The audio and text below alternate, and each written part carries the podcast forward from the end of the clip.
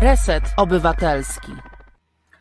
Dobry wieczór Państwu. Karolina Rogaska, Reset Obywatelski, audycja porówno. Dzisiejszym producentem jest Michał Mazur. Bardzo dziękuję za przyjęcie tej roli i e, dokładanie swojej cegiełki do tego, żeby nasze programy powstawały.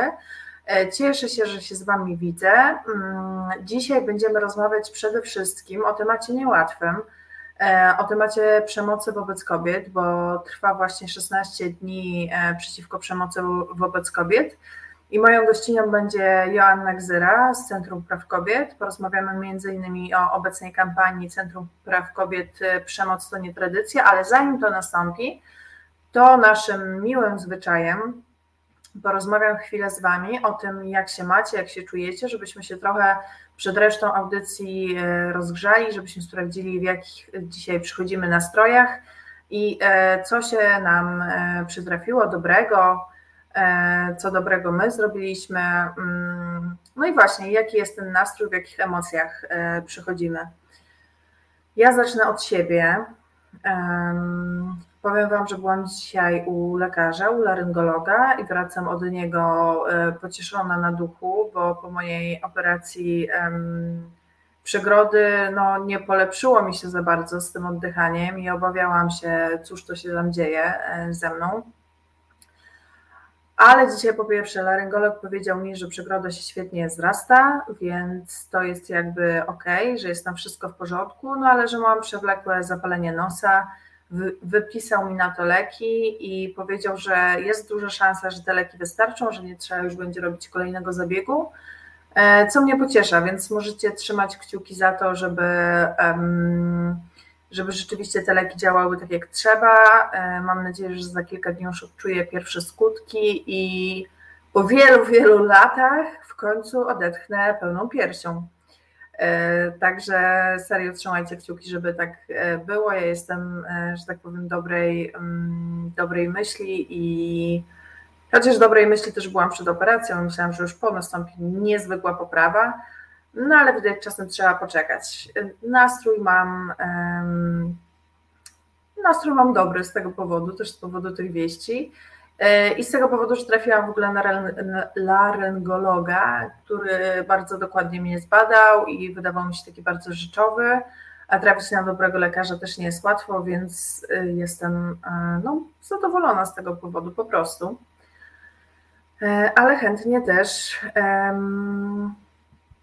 chętnie też posłucham, jak wy się czujecie. Cieszę się, że trzymacie kciuki i że się cieszycie z moich wieści. E, ale jak u Was nastroje? Jestem bardzo ciekawa.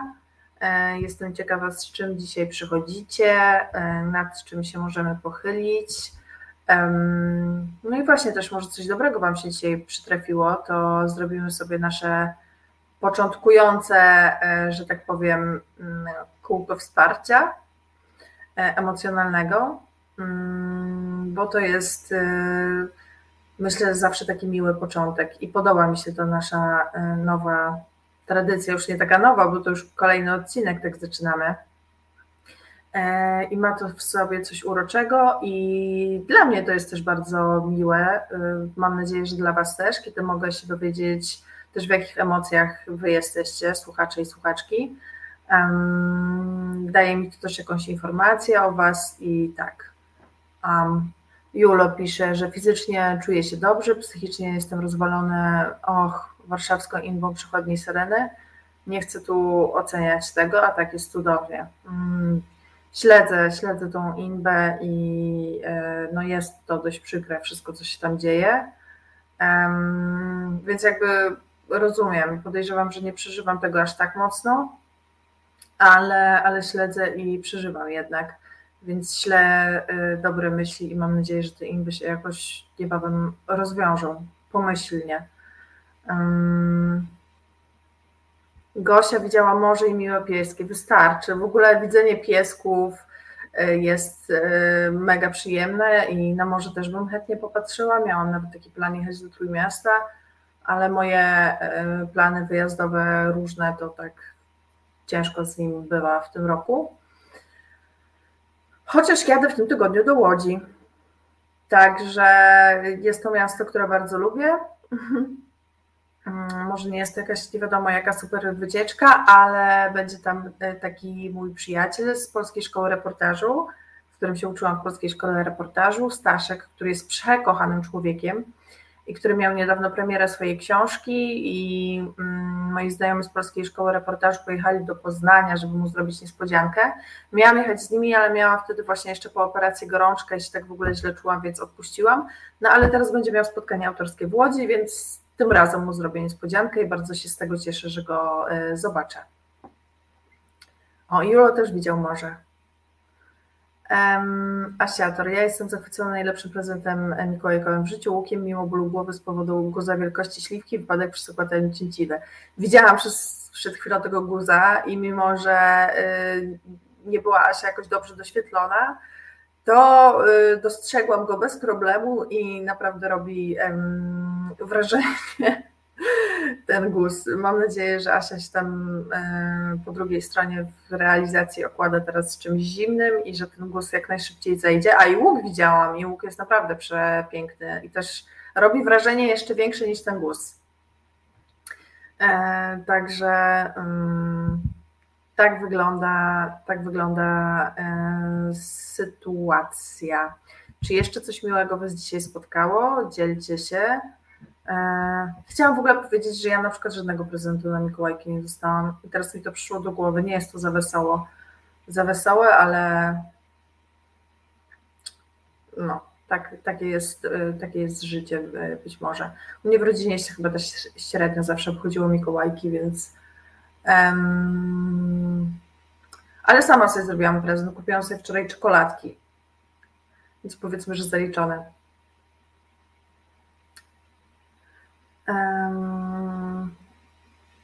Gosia, e, tam Asi po prostu y, drugi mózg rośnie. Może tak być, może tak być. Um, Guitar Jam Session e, też sobie zrobiłem porządny prezent na koniec roku, bo zasłużyłem. A jaki prezent sobie zrobiłeś? Jestem bardzo ciekawa. O ile oczywiście chcesz się tym podzielić. E, chętnie, chętnie posłuchamy i poczytamy.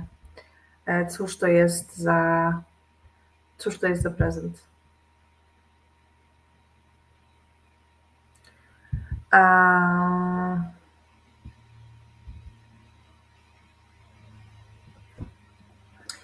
Ma, mam wrażenie, nie wiem czy. O, Robsonek pisze, dzisiaj na spacerze zjechałem sobie e, na tyłku z górki, nie żebym chciała, ale ślisko było, z dobrych rzeczy to zakupy covidowe dla kolegi. A, już myślałam, że tak intencjonalnie no do początku, jak zaczęłam czytać, zjechałeś, e, żeby sobie trochę polepszyć e, humor. W ogóle tak dawno nie jeździłam na sankach.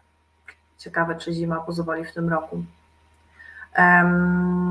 I zakupy to jest e, też mega miła rzecz i bardzo doceniam właśnie takie wspieranie się w tych covidowych czasach. Pamiętam, jak moi znajomi byli zarażeni, też, też jeździłam też jeździłam właśnie z zakupami do, do znajomych i, i myślę, że to jest po prostu miłe wspierać się tak. Waldek, ja właśnie pracuję nad prezentem dla mnie, jak gdzieś zamówię, to na urodziny będzie. Kiedy masz Waldku urodziny? Zdrać nam. To będziemy wiedzieć, kiedy y, śpiewać solet. Może akurat się trafią na którąś z moich audycji. Nie wiem, czy chcesz, żebym śpiewała 100 lat głośno, bo w śpiewaniu jestem słaba, ale jeżeli sobie zażyczysz i akurat będą w dniu mojej audycji, to, to proszę bardzo. E, Guitar Jam Session kupiłem sobie trochę sprzętu do domowego studia, mikser, mikrofon, efekty do gitary, dziś kurier dostarczy. Uuu, nieźle, super, bardzo się cieszę. E, I gratuluję sprawienia sobie prezentów. W ogóle myślę, że idea robienia sobie samemu prezentów jest y, bardzo słuszna. E, I niekoniecznie jest tak, że trzeba zawsze zasłużyć, tylko czasem po prostu warto zrobić dla siebie coś miłego. To nie musi być nic dużego. To mogą być czekoladki, które sobie wczoraj kupiłam. Aż bym je znowu zjadła, ale już je zjadłam wczoraj całe, więc nie mam czego dojadać. E, albo zabranie się. A, w czerwcu. Myślałam, że jakoś yy, niedługo. No dobra. To poczekamy do czerwca. no właśnie, ale że robienie sobie prezentów jest takim miłym gestem. E, Gosia, o, wspinałam się po torach do, po nieczynnej niedawno kolejce. Nazywa się to oficjalnie wyjście numer 3 z plaży w Gdyni i przeżyłam. Brzmi jak taka przygoda, którą em, chciałabym przeżyć. Jak będę w Trójmieście za jakiś czas, to, to poproszę o namiary, w sensie jak trafić. Chociaż może jacyś lokalsi będą wiedzieli, albo może gdzieś zgoogluję sobie.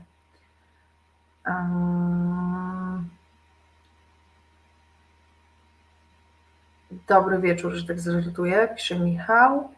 Całkiem dobre. Później już nie będziemy o takich łatwych i przyjemnych tematach rozmawiać, aczkolwiek myślę, że poruszymy też zasiąg zerą temat tego, jak pomagać ofiarom e, przemocy. No a to jakby się uprzeć, to jest w sumie dość pozytywne, bo mm, w sensie pomaganie i, i rozmawianie o tym, jak to robić, no bo jest to zawsze też jakiś rodzaj edukacji i wspierania osób, które niestety tych trudności doświadczają. Andrzej pisze, robienie prezentów innym, zwłaszcza bez okazji, to jest sztos, mam nadzieję. No jasne, że jest sztos i sam, sam, samym sobie też. Um, dobra, to ja widzę, że jest strzelanie którego czerwca Waldek ma urodziny, to ja strzelę 23. Co ty Waldku na to? Czy mam rację? 23 czerwca, to jest mój strzał. Siódmy. Okej. Okay. No tak, no to Gosia była blisko. Gosia była blisko. Um... Kacper, dobry wieczór, spóźniony. No nic z tego, y, że spóźniony. Możesz Kacprze napisać, jak się czujesz, jak Ci minął dzisiaj dzień, z jakimi emocjami dzisiaj przychodzisz i o czymś dobrym może co Ci się dzisiaj zdarzyło. Wyciągamy te dobrostki, że tak to nazwę. Um, I um, i się, że tak powiem, nimi trochę e, energetyzujemy, dodajemy sobie nimi energii, dodajemy sobie takiego dobrego flow. Dobry wieczór, Kosmaty Wilku. Waldek, Gosia wygrywa nagrodę. Zdjęcie Waldka w krzakach. No ciekawe. Ciekawe, ciekawe nagrody, o ciekawych rzeczach tutaj um, piszecie. Ja jeszcze z takich dobrych rzeczy, y, które mi się w ogóle ostatnio zdarzyły, to jeszcze tak dopowiem, właśnie a propos prezentów mi się przypomniało, że w tym roku stwierdziłam, że nie będę jak przez kilka ostatnich lat kupowała prezentów na ostatni moment, bo to się zazwyczaj wiąże po pierwsze z wycieczką do centrum handlowego, a takie wycieczki średnio lubię. E, no a po drugie jest stresujące, bo nie wiem, czy te prezenty, które chciałam kupić, rzeczywiście dostanę zamawiać tuż przed świętami, no już jest ciężko, bo tych wysyłek firmy przeróżne mają dużo. Więc teraz zaczęłam te prezenty zamawiać szybciej. Część już dzisiaj odebrałam dla mojego ojczyma książki. No i wprawia mnie to w jakiś rodzaj dumy, że tak, że tak odwrotnie niż y, zazwyczaj w tym roku się zachowałam i że y, zadbałam o to wcześniej, że będę miała taki spokój ducha już tuż przed świętami.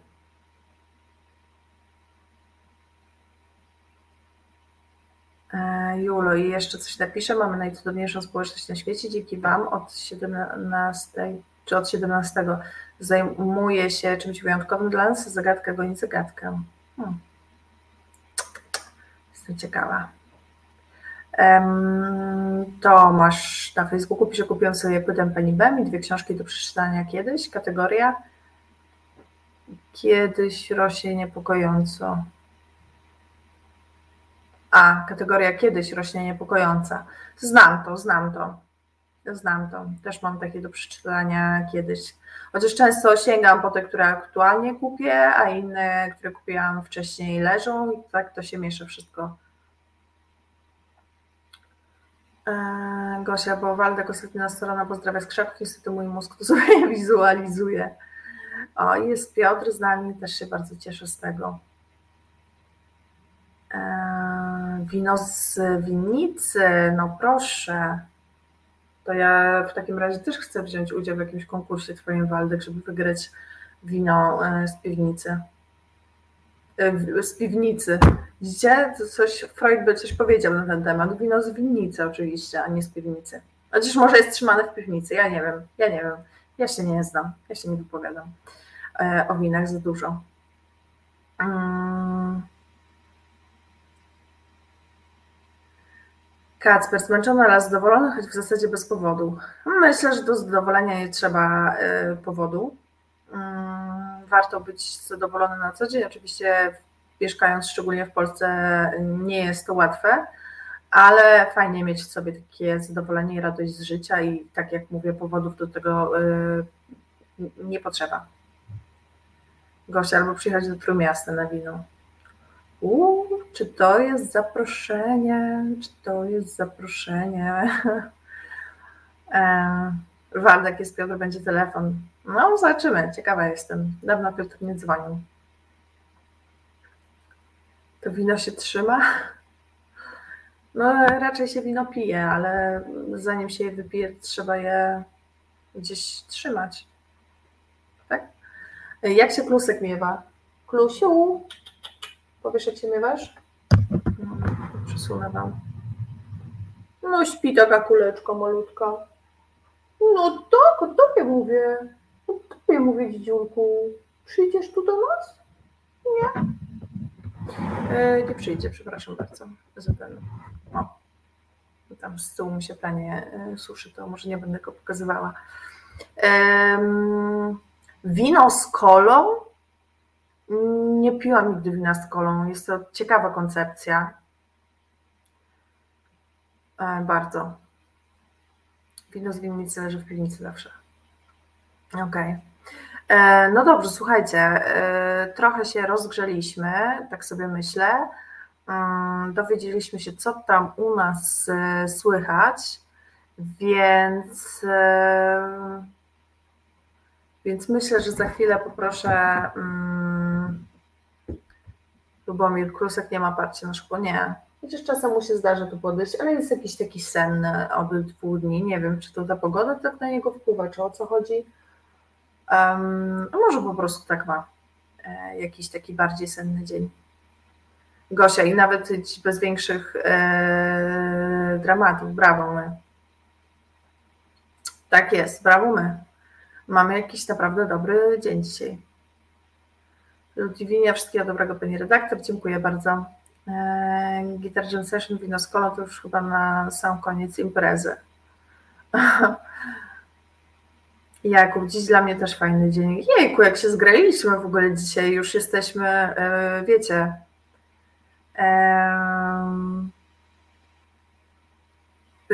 jak to jest tak często, że jak kobiety mieszkają razem, to im się synchronizują miesiączki, a nam e, przez te rozmowy wszystkie nasze tutaj w gronie szacownym synchronizują się nastroje może.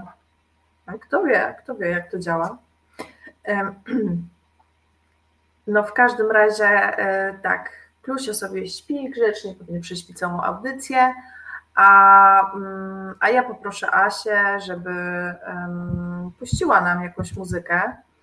E, I wrócę do Was za parę minut, już po tym, jak ta muzyka e, minie, e, już z moją gościnią i będziemy rozmawiać o przemocy. To jest Reset Obywatelski. Tworzymy go razem. Dołącz do nas na YouTube, Facebooku i Twitterze. No i jesteśmy po, po przerwie. Reset Obywatelski, audycja porówno. Prowadzi Karolina Rogaska, a moją gościnią dzisiaj będzie Joanna Gzyra-Iskandar z Centrum Praw Kobiet i porozmawiamy między innymi o akcji, o kampanii e, Centrum Praw Kobiet, która nazywa się mm, Przemoc to nie tradycja. Rozmawiamy o tym między innymi ze względu na to, że trwa 16 dni przeciw e, przemocy.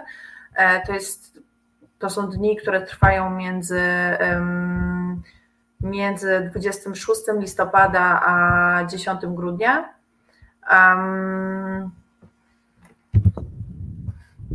I e, będziemy też rozmawiać o tym, w jaki sposób pomagać osobom doświadczającym przemocy co robić, kiedy słyszymy na przykład, że albo wydaje nam się, że nasza, nie wiem, sąsiadka doświadcza przemocy. Jak w ogóle rozpoznać na takim wczesnym etapie, czy da się to zrobić, że, mm, no, że jesteśmy w jakimś takim toksycznym związku, który może się stać e, związkiem przemocowym? I dlaczego niektórzy wchodzą w takie związki, inni nie wchodzą? E, co do tego prowadzi?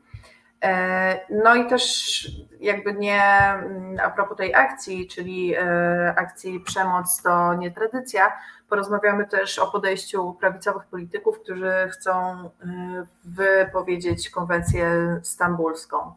Także zapraszam do nas Joannę Gzerę Iskandar. Cześć, dobry wieczór. Cześć, cześć. Um, Chciałabym zacząć od akcji, e, tą rozmowę od akcji, którą e, prowadzicie, czyli e, akcji Przemoc to nie tradycja, bo ona odnosi się też do konwencji stambulskiej i tego, co mówią mm, prawicowi, konserwatywni politycy, no, którzy chcą tą konwencję wypowiedzieć właśnie ze względu na to, że uważają, że ona uderza w polską tradycję. Jakbyś mogła trochę opowiedzieć o tym, do ja, z jakimi zapisami dokładnie mają ci politycy problem i na czym też polega Wasza akcja? Mhm, jasne. E, to jeszcze raz się przywitam. Dobry wieczór e, wszystkim osobom, które nas e, oglądają. Bardzo fajnie, że tu jesteście i dziękuję też za zaproszenie i za możliwość opowiedzenia o tej kampanii, którą teraz prowadzimy.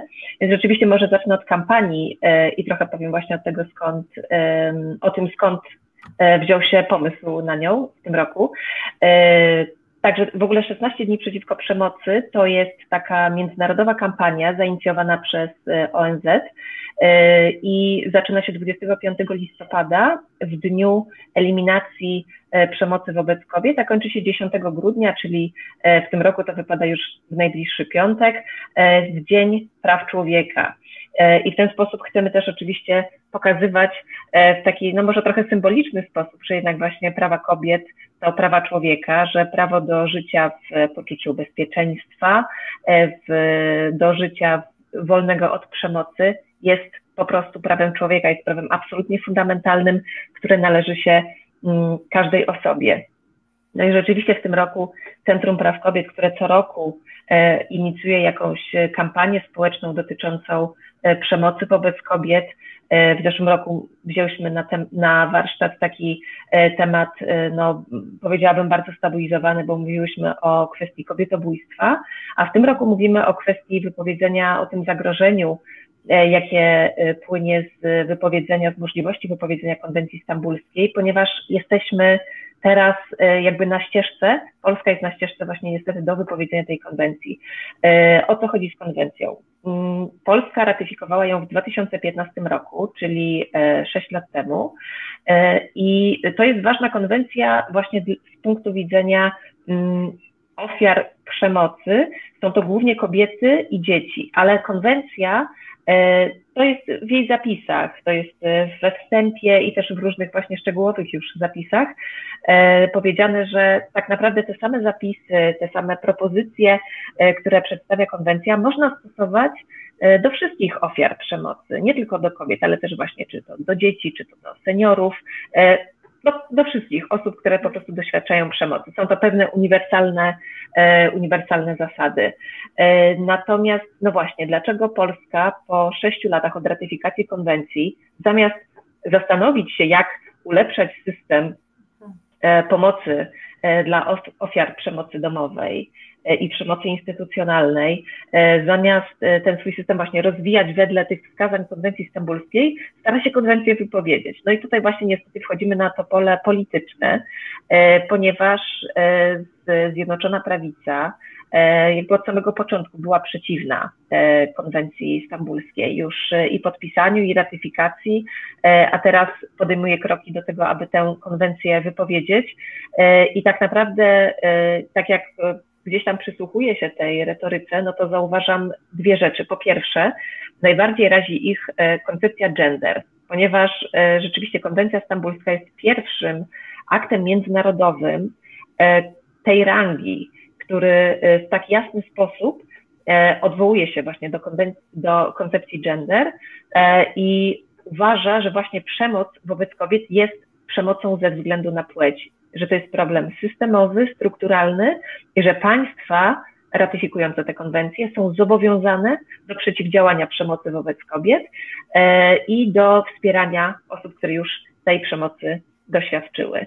E, I to jest rzecz, z którą e, prawica kompletnie nie chce się zgodzić. Odrzuca tę koncepcję, twierdzi, że źródła przemocy tkwią zupełnie gdzie indziej, wcale nie w strukturalnych nierównościach, w nierównościach społecznych e, względem płci, tylko na przykład w alkoholizmie, narkomanii, w seksualizowaniu kobiecego wizerunku w mediach i tak dalej. E, natomiast raczej te wszystkie rzeczy są gdzieś obok przemocy. Mhm. Czy też może jakoś, e, no oczywiście są z nią powiązane, ale żadna z tych, żadne z tych zjawisk społecznych nie jest przyczyną przemocy. E, I to jest jakby jedna rzecz, a druga rzecz, no to to jest właśnie to, co też już e, powiedziałaś, zadając pytanie, czyli, czyli to jest właśnie ta kwestia tej e, polskiej tradycji, kultury, tych wartości, ponieważ, no właśnie, prawica, głównie chodzi tutaj o stronnictwo ministra Ziobry, głównie też reprezentowane tutaj akurat w tej kwestii, czyli jeśli chodzi o wypowiedzenie konwencji przez wiceministra sprawiedliwości Marcina Romanowskiego, e, którzy właśnie mówią, że konwencja stambulska jest zupełnie niezgodna z polską tradycją, z polską kulturą, z polskością, z tym wszystkim, co my tutaj mamy, że szkodzi polskiej rodzinie, że e, wdraża tutaj jakieś antywartości czy wartości antypolskie e, i przede wszystkim dlatego powinniśmy ją wypowiedzieć. No i właśnie my tutaj dochodzimy, łączą mi się te dwa wątki, czyli właśnie e, nasza kampania e, i, i te zarzuty stawiane e, konwencji. Nasza kampania tegoroczna nosi tytuł tym, tym hasłem przewodnim, tym, co chcemy powiedzieć, to przemoc to nie tradycja. To znaczy, w pewnym sensie oczywiście przemoc jest niestety częścią naszej tradycji, naszego dziedzictwa, naszej kultury, właśnie przez to, że dziedziczymy z pokolenia na pokolenie tę taką społeczną nierówność, E, ale my chcemy jakby zakorzenić to takie podejście, że właśnie przemoc nie jest tradycją, że ona nie może tą tradycją być, że to, że e, jakby ten łańcuch dziedziczenia przemocy trzeba wreszcie zerwać, trzeba powiedzieć temu stop e, i my wiemy, jak to zrobić. I konwencja stambulska pokazuje nam, jak to zrobić, bo jest dla nas takim drogowskazem, w którym kierunku iść, żeby pomagać w sposób e, systemowy i w sposób przede wszystkim skuteczny. Także to jest to, co chcemy e, w trakcie tych 16 dni e, przeciwko przemocy w tym roku powiedzieć naszą kampanią. A jakie właśnie rozwiązania proponuje na przykład konwencja stambulska, które, no, które nie działają jeszcze w Polsce nie zostały wdrożone, a, a warto je rozważyć jako metodę właśnie walki z tą przemocą? Mhm. Zacznę może od tego, co już zostało zrobione, bo ta lista niestety jest bardzo krótka. E, to znaczy od 2015 roku faktycznie wydarzyły się e, trzy rzeczy. E, to znaczy infolinia całodobowa dla ofiar przemocy domowej otrzymała państwowe dofinansowanie i rzeczywiście taka infolinia jest i działa. Natomiast jest to o, o tyle jakby to jest niezgodne z tym, co zaleca konwencja, że to jest infolinia neutralna ze względu na płeć. To znaczy, znowu jakby nie rozpoznajemy tej specyfiki e, przemocy wobec kobiet, tylko właśnie to jest infolinia dla e, infolinia neutralna. E, no ale jest to oczywiście krok w dobrą stronę zdecydowanie. Druga rzecz to jest to, że zmienił się, zmienił się w Polsce tryb ścigania przestępstwa zgwałcenia. E, wcześniej było to, był to tryb prywatny, z oskarżenia prywatnego, teraz jest to z oskarżenia publicznego, czyli z urzędu. E, I to też jest bardzo dobra zmiana, bardzo konieczna. E, I trzecia rzecz to jest najnowsza zmiana, która weszła do polskiego prawa rok temu. Dokładnie weszła w życie 30 listopada I to jest nadanie policji i żandarmerii wojskowej nowego uprawnienia polegającego na e, możliwości wydania natychmiastowego nakazu opuszczenia lokalu przez sprawcę przemocy. W praktyce wygląda to tak, że policja przyjeżdża na interwencję, e, dowiaduje się tam od osoby, która ten patrol wezwała, że w domu dochodzi do przemocy i na tej podstawie policja może wystawić sprawcy przemocy nakaz natychmiastowego opuszczenia lokalu oraz wystawić e, zakaz e, zbliżania się do najbliższego otoczenia tego, tego miejsca zamieszkania. Sprawca oczywiście ma możliwość zabrania rzeczy, które są mu jakoś tam najbardziej potrzebne, na przykład do wykonywania pracy i policja informuje również takiego sprawcę, gdzie może udać się na nocleg na przykład, chodzi o właśnie ogólnie dostępne noclegownie i tak dalej. Także to są dopiero trzy takie rzeczy. Aha, właśnie, a czego brakuje w tym ostatnim e, przepisie? E, to przede wszystkim to, że e, nie obejmuje on zakazu kontaktu. To znaczy policja nie może wydać takiego natychmiastowego zakazu kontaktu z osobą pokrzywdzoną. I my na przykład jako Centrum Praw Kobiet uważamy, że to jest bardzo duży mankament i zresztą konwencja też o tym mówi, ponieważ E, okej, okay, bardzo dobrze, że jest ten nakaz natychmiastowego opuszczenia lokalu, bardzo dobrze, że jest ten zakaz e, kontaktowania, e, właśnie nie kontaktowania się, tylko nie zbliżania się do najbliższego otoczenia, ale powinien istnieć również ten zakaz kontaktu, no bo w takiej, w, tak, w takiej sytuacji, jak to wygląda teraz, no sprawca przemocy może na przykład swoją ofiarę nachodzić w pracy, albo na uczelni, albo nie wiem, przy odbieraniu dziecka z przedszkola czy ze szkoły, prawda, jest dużo takich sytuacji, gdzie do tego kontaktu może jednak dojść i to może być po prostu niebezpieczne. Także dla lepszej ochrony e, osoby doświadczającej przemocy lepiej byłoby, aby e, była również ta możliwość wydania natychmiastowego, e, obowiązującego natychmiast zakazu kontaktu. No więc to są, to są te rzeczy, które zostały zrobione, ale niestety lista rzeczy, które nie zostały wciąż zrobione jest zdecydowanie dłuższa. I zaczęłabym chyba od tego, że w Polsce wciąż e, obowiązuje wtórnie wiktymizująca e, definicja przestępstwa zgwałcenia. E, I to jest definicja, która mówi o tym, że ofiarą gwałtu jest osoba, która została zgwałcona, ponieważ jej wcześniej grożono, zastosowano wobec niej podstęp lub przemoc fizyczną.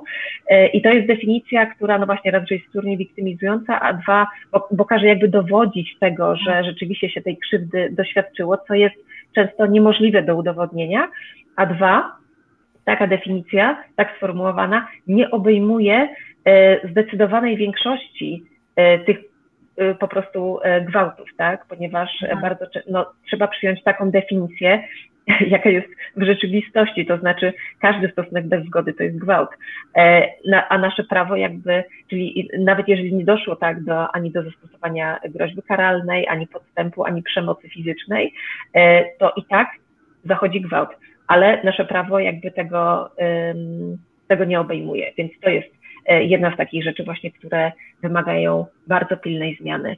E, kolejna rzecz to jest to, że polskie prawo e, w ogóle nie operuje definicją przemocy ekonomicznej, a jest to bardzo dotkliwa forma przemocy, E, I jest jedną z takich przyczyn, dla których e, bardzo często osobom, które doświadczają przemocy, bardzo trudno jest taki przemocowy związek opuścić, ponieważ jeśli doświadczają przemocy ekonomicznej, no to po odejściu bardzo trudno będzie im się utrzymać sobie i dzieciom, za to wynajmę mieszkanie, e, gdzie pójdę do pracy, jeżeli e, na przykład mąż zakazywał mi e, pracować w związku z tym, że miałam siedzieć w domu i wychowywać dzieci, no to gdzie nagle znajdę pracę tak. I tak dalej, i tak dalej. No te problemy się po prostu mnożą. Także, także też ta definicja przemocy ekonomicznej, ona na szczęście zaczyna się pojawiać trochę w orzecznictwie. Mhm. No ale e, jakby brakuje, brakuje e, takiego jasnego zdefiniowania, czym ta przemoc ekonomiczna jest. E, brakuje też zdecydowanie specjalistycznych ośrodków wsparcia, też właśnie dedykowanych kobietom i dzieciom. Nie ma w Polsce, nie istnieje taka sieć placówek interwencyjnych dla ofiar przemocy seksualnej, gdzie osoby miałyby zapewnioną pomoc ambulatoryjną, medyczną, ale też wsparcie prawne i psychologiczne, wszystko na miejscu, bez wtórnej wiktymizacji za to z empatią i ze zrozumieniem dla sytuacji, w jakiej ta osoba się y, znajduje. Tego w ogóle w Polsce nie ma. E, kolejna rzecz. Niestety cały czas w polskie sądy rodzinne, e, niestety taka jest praktyka, e, co my często obserwujemy i bardzo wiele klientek się do nas zgłasza z takim problemem. Sądy rodzinne w sprawach, w których e, gdzieś tam w tle jest przemoc, nie uznają dzieci, które były świadkami przemocy, również za ofiary przemocy. A przecież oczywistym jest, że dziecko, które przemoc chociażby tylko widzi, de facto doświadcza przemocy psychicznej, e, widząc, co się dzieje między e, innymi członkami rodziny. E, to jest też bardzo, bardzo poważny problem. E, I niestety skutkuje tym, że e, często takie sądy zasądzają kontakty dzieci ze sprawcami przemocy. No i tak dalej, i tak dalej. Więc tak jak mówię, no ta lista niestety jest, jest cały czas bardzo długa, no i no właśnie, tak najbardziej martwiące w tym wszystkim jest to, że zamiast zastanowić się, jak najefektywniej te wszystkie zmiany wprowadzać, no to niestety Polska idzie w zupełnie drugą stronę, czyli zastanawia się, jak konwencję wypowiedzieć. Mhm.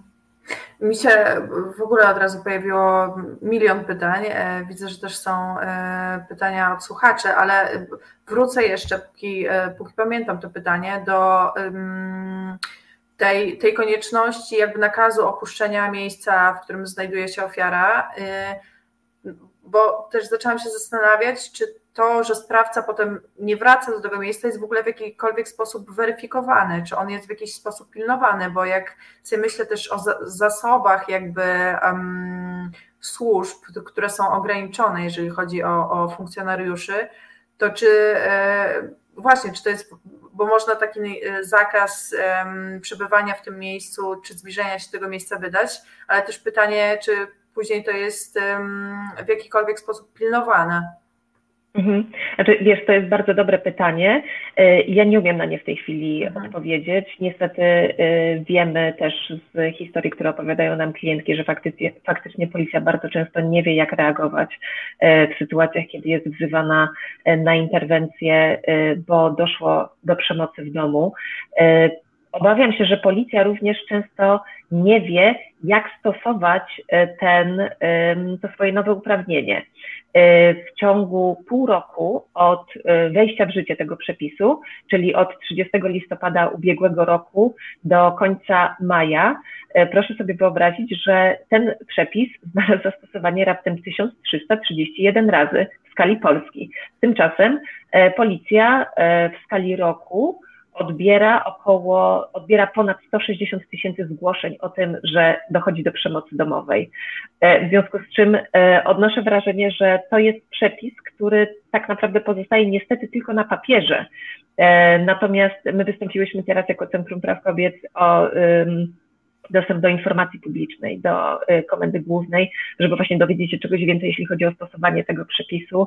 I też będziemy o tym oczywiście informować właśnie tak, na ile on jest stosowany, na ile funkcjonariusze rzeczywiście wiedzą, y, jak go stosować, no i właśnie, czy on jest przestrzegany, y, ale także, czy on, czy sprawcy przemocy, którzy taki nakaz opuszczenia i zakaz zbliżania się otrzymują, E, właśnie czy tego przestrzegają, czy się, te, czy się od tego odwołują. Także my staramy się teraz pozyskać takie informacje, no i będziemy o tym e, informować, e, jak się tylko dowiemy, bo, bo same też jesteśmy właśnie ciekawe, jak wygląda praktyka stosowania tego nowego przepisu.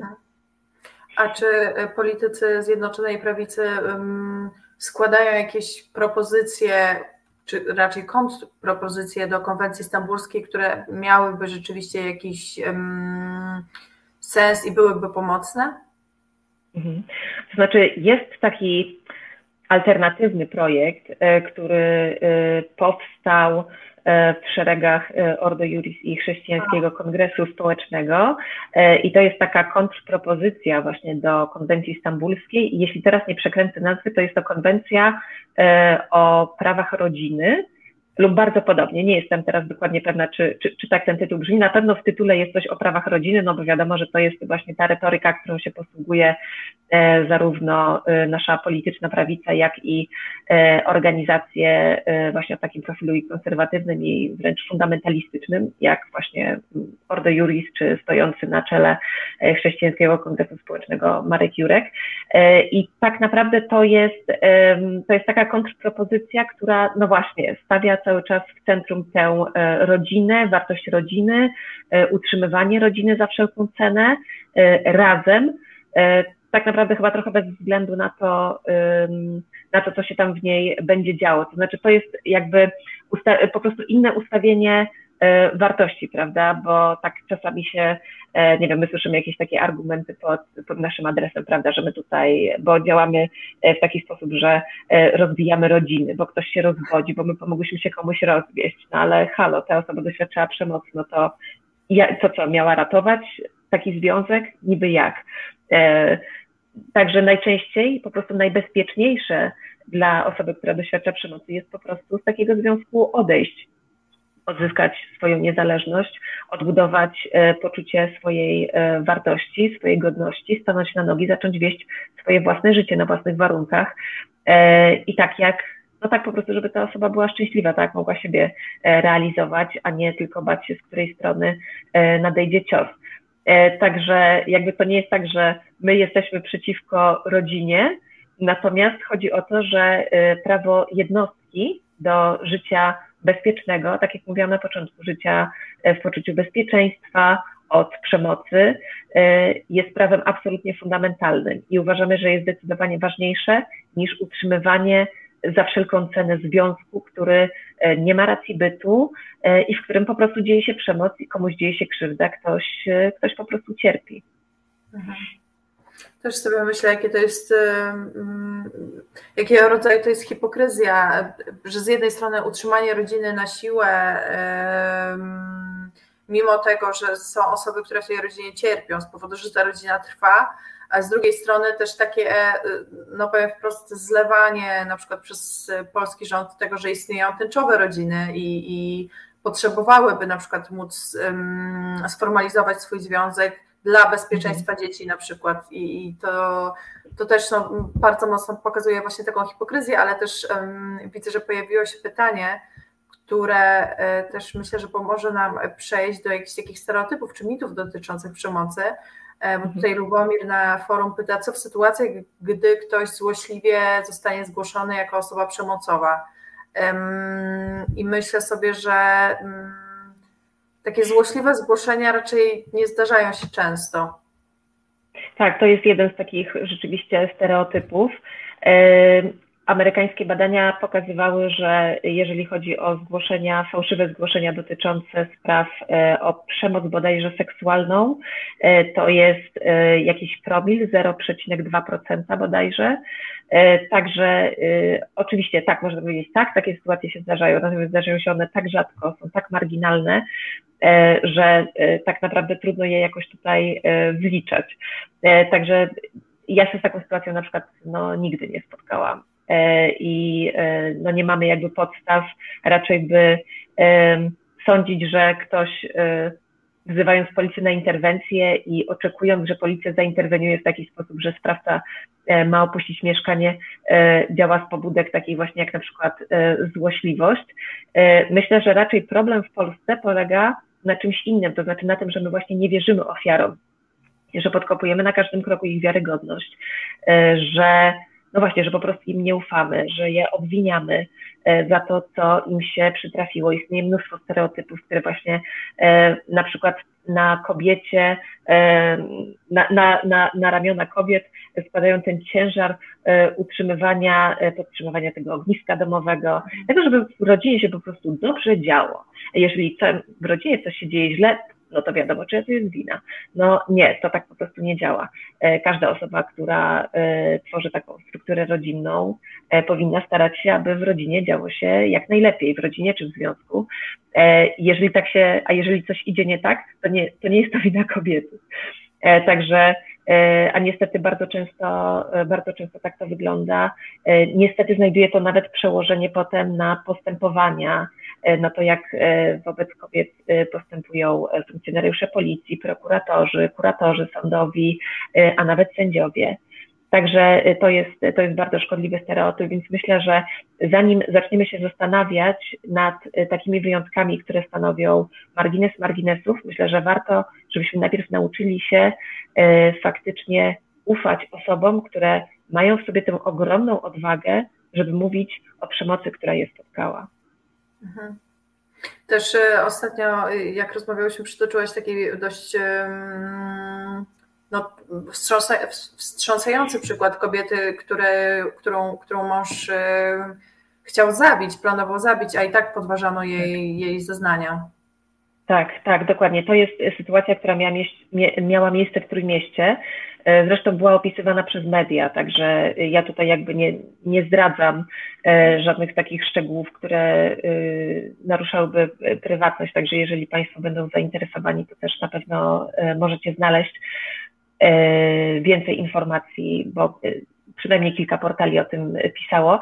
I faktycznie sytuacja wyglądała w ten sposób, że mąż próbował zabić e, swoją żonę, był do tego świetnie przygotowany, e, najprawdopodobniej ją śledził, bo wiedział doskonale, gdzie ona będzie, wsiadł za nią do samochodu, pobił ją, oblał jej twarz jakąś żrącą substancją, wyrywał jej włosy, e, ona straciła przytomność w trakcie tego napadu, a w bagażniku on zdążył przygotować sprzęt, który ewidentnie miał mu posłużyć do ukrycia zwłok.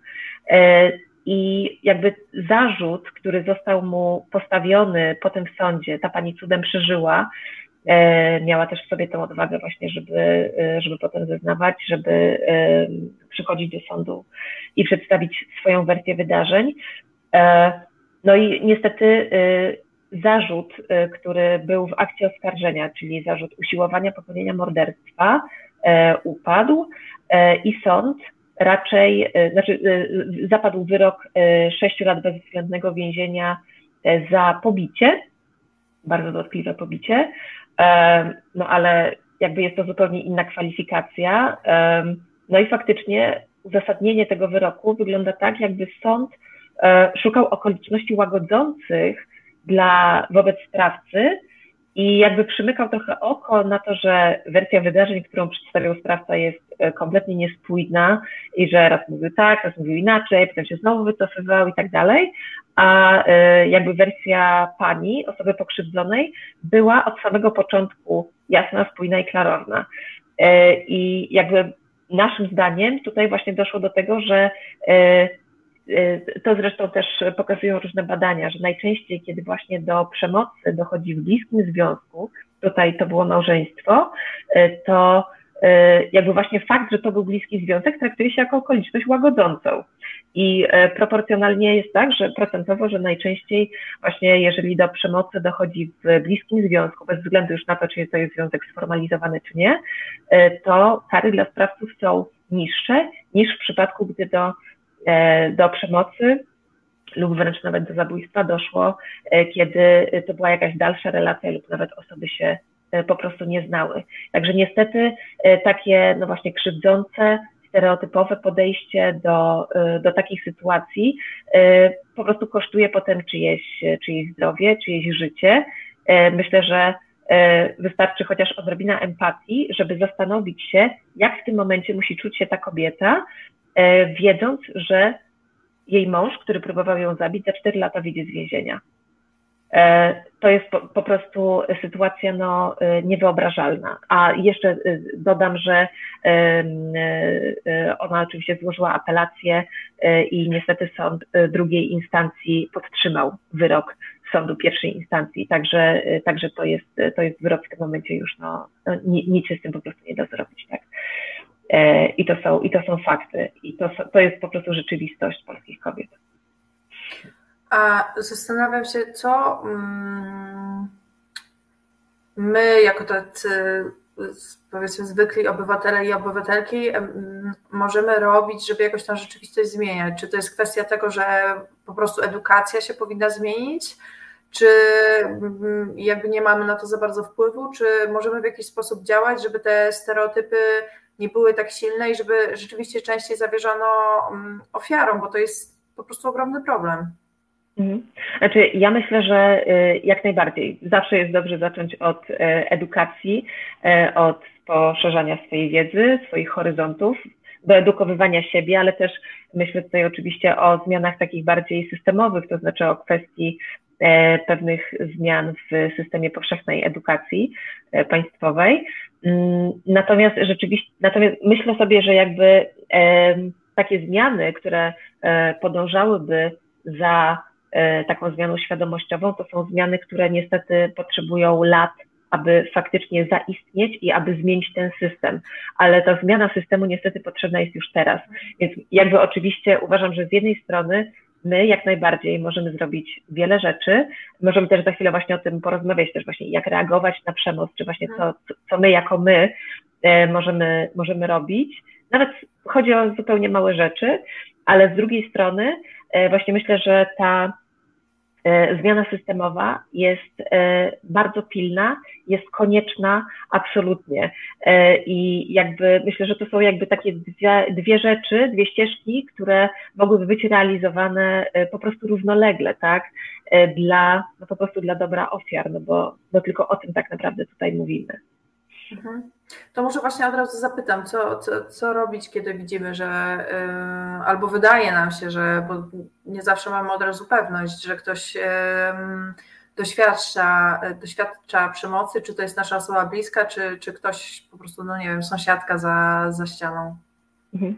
No ja właśnie myślę, że to y, sposób, w jaki zareagujemy, zależy w jakiejś mierze od tego właśnie, jaka to jest relacja, bo jeżeli mówimy o y, relacji z jakąś bliską nam osobą, nie wiem, o siostrze, o przyjaciółce, y, no to myślę, że możemy być w takiej relacji trochę bardziej bezpośredni, wyrazić też nasz niepokój, jeżeli widzimy jakąś sytuację, która no też może nie wiemy, jak ją zinterpretować. No, są na pewno takie sytuacje ewidentne, tak? kiedy widzimy, że ktoś kogoś uderzył, popchnął, pociągnął za włosy yy, i tak dalej są sytuacje może też mniej ewidentne, kiedy mówimy na przykład właśnie o kwestiach przemocy psychicznej, która no nie zostawia widocznych śladów e, i jest może trochę trudniejsza do, do zinterpretowania też, jeżeli, też przez osobę e, stojącą obok.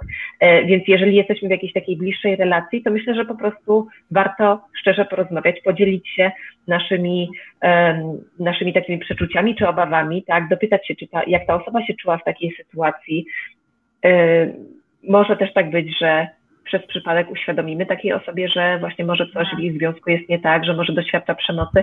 Też tutaj e, zrobię małą dygresję, ale faktycznie często trudno jest sobie po prostu, samej sobie uświadomić, że tak, padłam ofiarą przemocy, jestem ofiarą przemocy, e, potrzebuję pomocy. Moje życie nie musi tak wyglądać, mogę je zmienić. Ktoś może mi pomóc. Są osoby, są instytucje, są organizacje, które mogą mi w takiej sytuacji pomóc samo wykonanie takiego kroku też jest Aha. czymś bardzo trudnym, bo jakby doświadczanie przemocy jest e, po prostu ogromnym wstydem.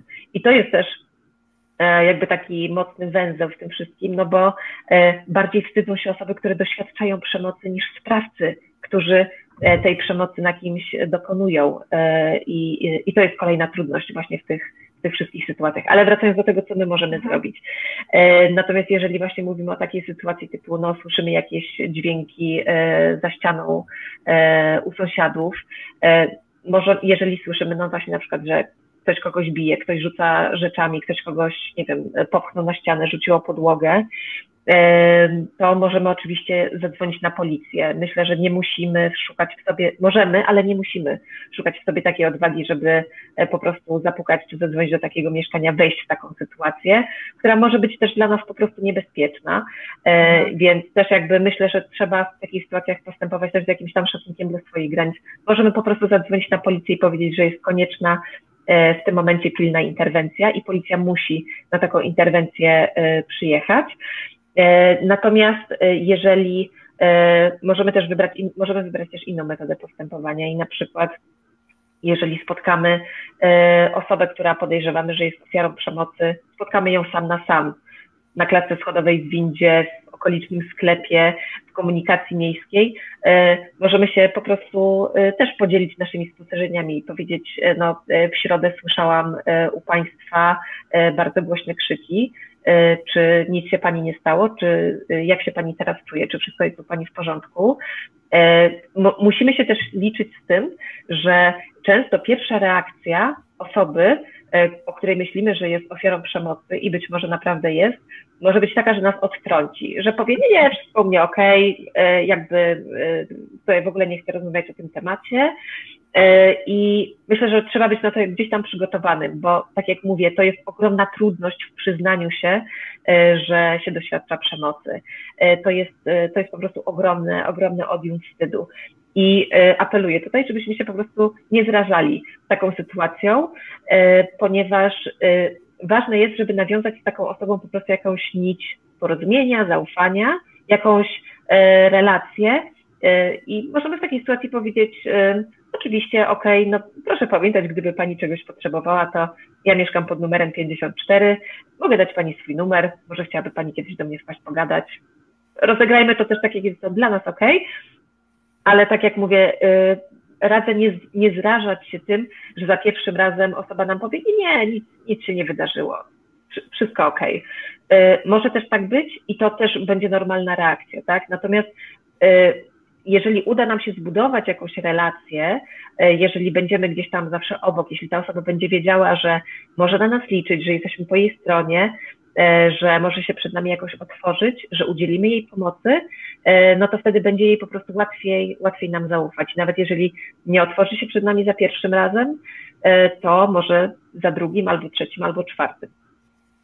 No tak, wydaje mi się, że nawet w takich sytuacjach, bo takie historie też się słyszy, że wręcz. Um przy pierwszej takiej sugestii czy jakiejś interwencji, e, nawet osoba doświadczająca przemocy może wyrażać jakiegoś rodzaju złość, która pewnie wynika z jakiegoś lęku przed tym, że ten sprawca się dowie w jakikolwiek sposób i że to pewnie też jest, e, też jest po prostu normalna, odruchowa e, reakcja w takiej, w takiej sytuacji. Tak, tak, zdecydowanie tak. Dlatego właśnie mówię, że e, do, e, myślę, że też i bezpieczniej dla nas i bardziej komfortowo dla takiej osoby byłoby właśnie, gdyby to była sytuacja sam na sam, właśnie bez tego sprawcy, no bo jak, jak rozmawiać o czymś takim, e, kiedy, kiedy ten sprawca jest obok. Oczywiście może tak też być, że taka reakcja obronna, czyli to właśnie zaprzeczenie w pierwszej chwili, może być podyktowane y, strachem przed sprawcą przemocy, przed tym, że, że, że on się dowie. Y, może być podyktowane też innego rodzaju strachem, y, strachem przed zmianą tej sytuacji, jak najbardziej tak, ale może też wynikać, no jakby tak jak mówię, no z wielu, z wielu różnych tutaj powodów, też właśnie z takiego po prostu też poczucia wstydu, bo też myślę, że często mamy takie podejście, że to, co się dzieje u kogoś w domu, to jest sprawa prywatna. Więc jeżeli ktoś przychodzi do mnie i mówi mi, że chyba w moim domu coś się dzieje nie tak, to jest takie hej, ale jak to, to jest mój dom. Więc to może też nastąpić taka reakcja, tak, że ja nie chcę, żebyś ty jakby wchodził e, tutaj w, do, do, do, mojego domu, do moich spraw ze swoimi buciorami, tak? Więc jakby nie róbmy tego też na siłę. E, przede wszystkim nie pomożemy nigdy osobie, która nie jest gotowa na przyjęcie pomocy i która nie jest gotowa na jakąś tam zmianę w swoim życiu, tak? Także e, osoba musi mieć w sobie po prostu pewną gotowość na podjęcie jakichś kroków, e, na poszukanie pomocy, na, tak, żeby podjąć po prostu jakąś, jakieś kroki ku, ku zmianie, ku wyrywaniu się z tej sytuacji. Często jest też tak, że osoby, które nawet e, wyjdą z takiego związku toksycznego czy przemocowego, potem wracają po prostu do takiej relacji. Często zaważają czynniki ekonomiczne, e, czasami dzieje się tak, że po prostu zostaną zmanipulowane albo zaszantażowane przez sprawcę przemocy. Scenariuszy jest tutaj mnóstwo, więc też kolejna E, prośba do osób, które nas oglądają, nie oceniajmy takich sytuacji, bo to nie my jesteśmy w tych sytuacjach, to, my, to nie my jesteśmy tą osobą, e, która tej przemocy doświadcza e, i to naprawdę są bardzo trudne, bardzo złożone sytuacje, dlatego tak jak mówię, no nie oceniajmy ich, ok? Wróciła, dobrze, jej decyzja, bądźmy obok, nie oceniajmy tego, bądźmy otwarci, jeżeli ta osoba przyjdzie do nas po pomoc, to po prostu postarajmy się pomóc najlepiej, jak potrafimy. A czy jeszcze właśnie w tej temacie takiej pomocy sąsiedzkiej um, chciałam zapytać, um, z czego to może wynikać też, że ludzie tak rzadko pomagają? Znaczy może to jest moje wyobrażenie, że rzadko pomagają, bo często jak słyszę o jakichś takich sprawach, kiedy no ta przemoc gdzieś wyszła na wierzch i, i pisze się o niej w mediach czy gdziekolwiek, to rozmawia się z sąsiadami, którzy mówią, no, że wiedzieli, że coś się dzieje, ale, ale w sumie nic z tym nie robili. Tak. E, znaczy, tak, to potwierdzają też badania. E, raport Kantar dla e, z 2019 roku z jesieni dla Ministerstwa Rodziny pokazuje, że my często wiemy, że ta przemoc jest gdzieś obok, tylko my nie potrafimy, my nie wiemy po prostu jak zareagować. Brakuje nam często wiedzy. A tymczasem wystarczy na przykład zadzwonić na policję, tymczasem wystarczy po prostu z taką osobą porozmawiać, kiedy uda nam się ją e, właśnie gdzieś, e, że tak powiem, złapać, e, spotkać, kiedy będzie sama, kiedy obok nie będzie sprawcy przemocy. Możemy takiej osobie też zawsze po prostu powiedzieć, że możesz, że może szukać pomocy profesjonalnej w ośrodkach interwencji kryzysowej, w ośrodkach pomocy społecznej, w organizacjach, które właśnie po to są, żeby w takich sytuacjach pomagać. Mówię nie tylko o Centrum Praw Kobiet, bo takich organizacji jest więcej. Jest Niebieska Linia, jest Feminoteka, jest Stowarzyszenie Baba, jest naprawdę dużo takich organizacji, więc jest gdzie szukać pomocy. Natomiast faktycznie, tak jak mówię, musi być w tej osobie ta, ta, ta po prostu e, gotowość, gotowość do tego. E, a tego, jak się E, zachować w takich sytuacjach, można się po prostu nauczyć. Natomiast rzeczywiście to nie jest wiedza powszechna, my to widzimy, bo też do nas, e, no, ja na przykład zajmuję się też między innymi obsługą mediów społecznościowych Centrum Praw Kobiet i e, piszą do nas często osoby, tak, e, moja koleżanka z pracy doświadcza przemocy, co ja mam zrobić, co, co ja jej mam powiedzieć, jak ja mam jej pomóc, e, tak, moja koleżanka została zgwałcona, nie mam pojęcia, co zrobić. Zdarzają się po prostu takie wiadomości, więc ludzie często chcą, chcą rzeczywiście pomóc, wiedzą, że ta przemoc gdzieś się wydarzyła, ale brakuje im wiedzy, dlatego też no, y, cieszę się, że o to pytasz, cieszę się, że o tym rozmawiamy i mam nadzieję, że ta wiedza gdzieś też będzie się jakoś e, rozprzestrzeniać i więcej osób będzie po prostu wiedziało też, jak, jak w takich sytuacjach zareagować.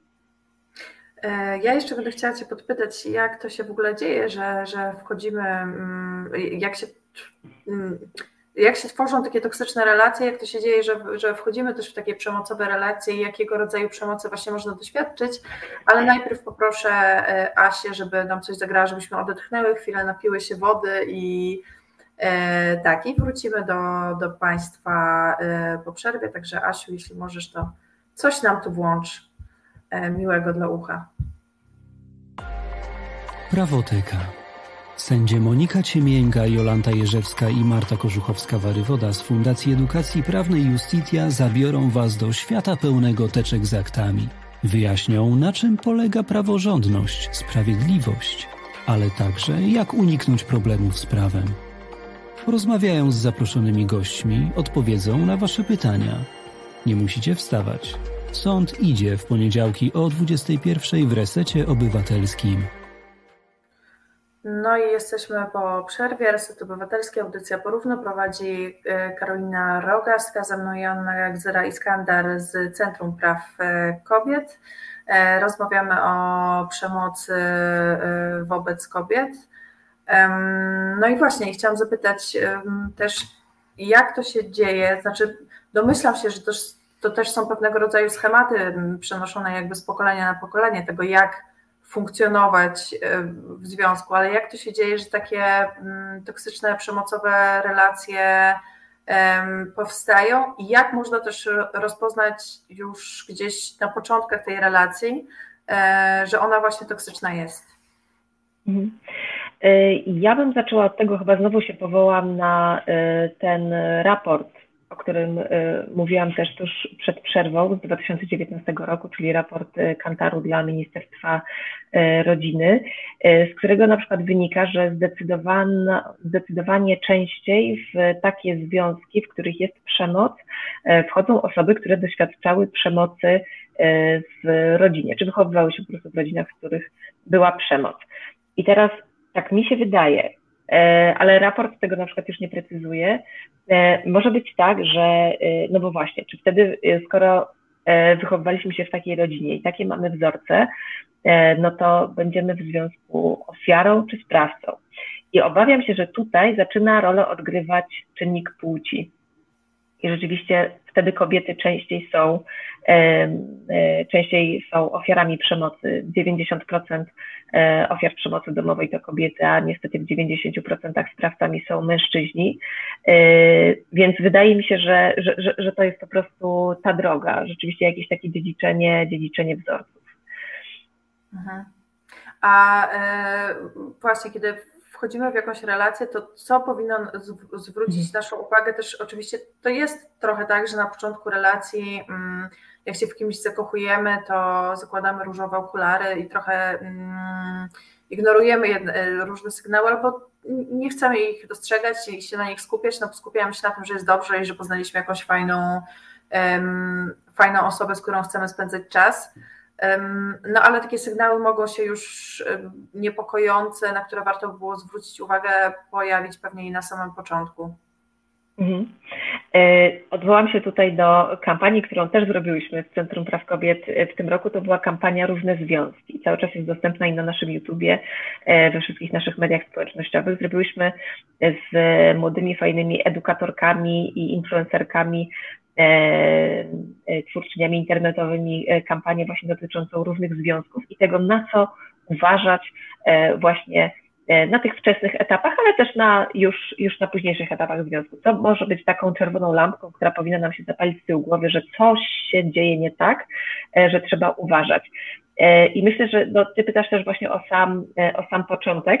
Ja bym się cofnęła tak naprawdę jeszcze trochę wcześniej, czyli jeszcze nawet nie jesteśmy w tym związku, ale myślę, że mega szkodliwy jest taki mit drugiej połówki, że my musimy sobie w ogóle kogoś znaleźć, że my musimy kogoś mieć, bo jak nie mamy, partnera, partnerki, chłopaka, dziewczyny, osoby partnerskiej, to coś jest z nami nie tak, że nikt nas nie chce, czy coś takiego, to są bzdury. Jakby każdy człowiek jest wystarczający, e, a mit drugiej połówki to po prostu bzdura. Więc myślę, że to jest e, jakby pierwsza trochę taka, taka rzecz, jeżeli pojawia nam się w głowie na przykład jakaś taka myśl, e, że e, no właśnie, że muszę sobie kogoś znaleźć, to myślę, że to już na tym etapie może też być jakaś, jak, wprowadzić nas właśnie w jakąś niebezpieczną sytuację.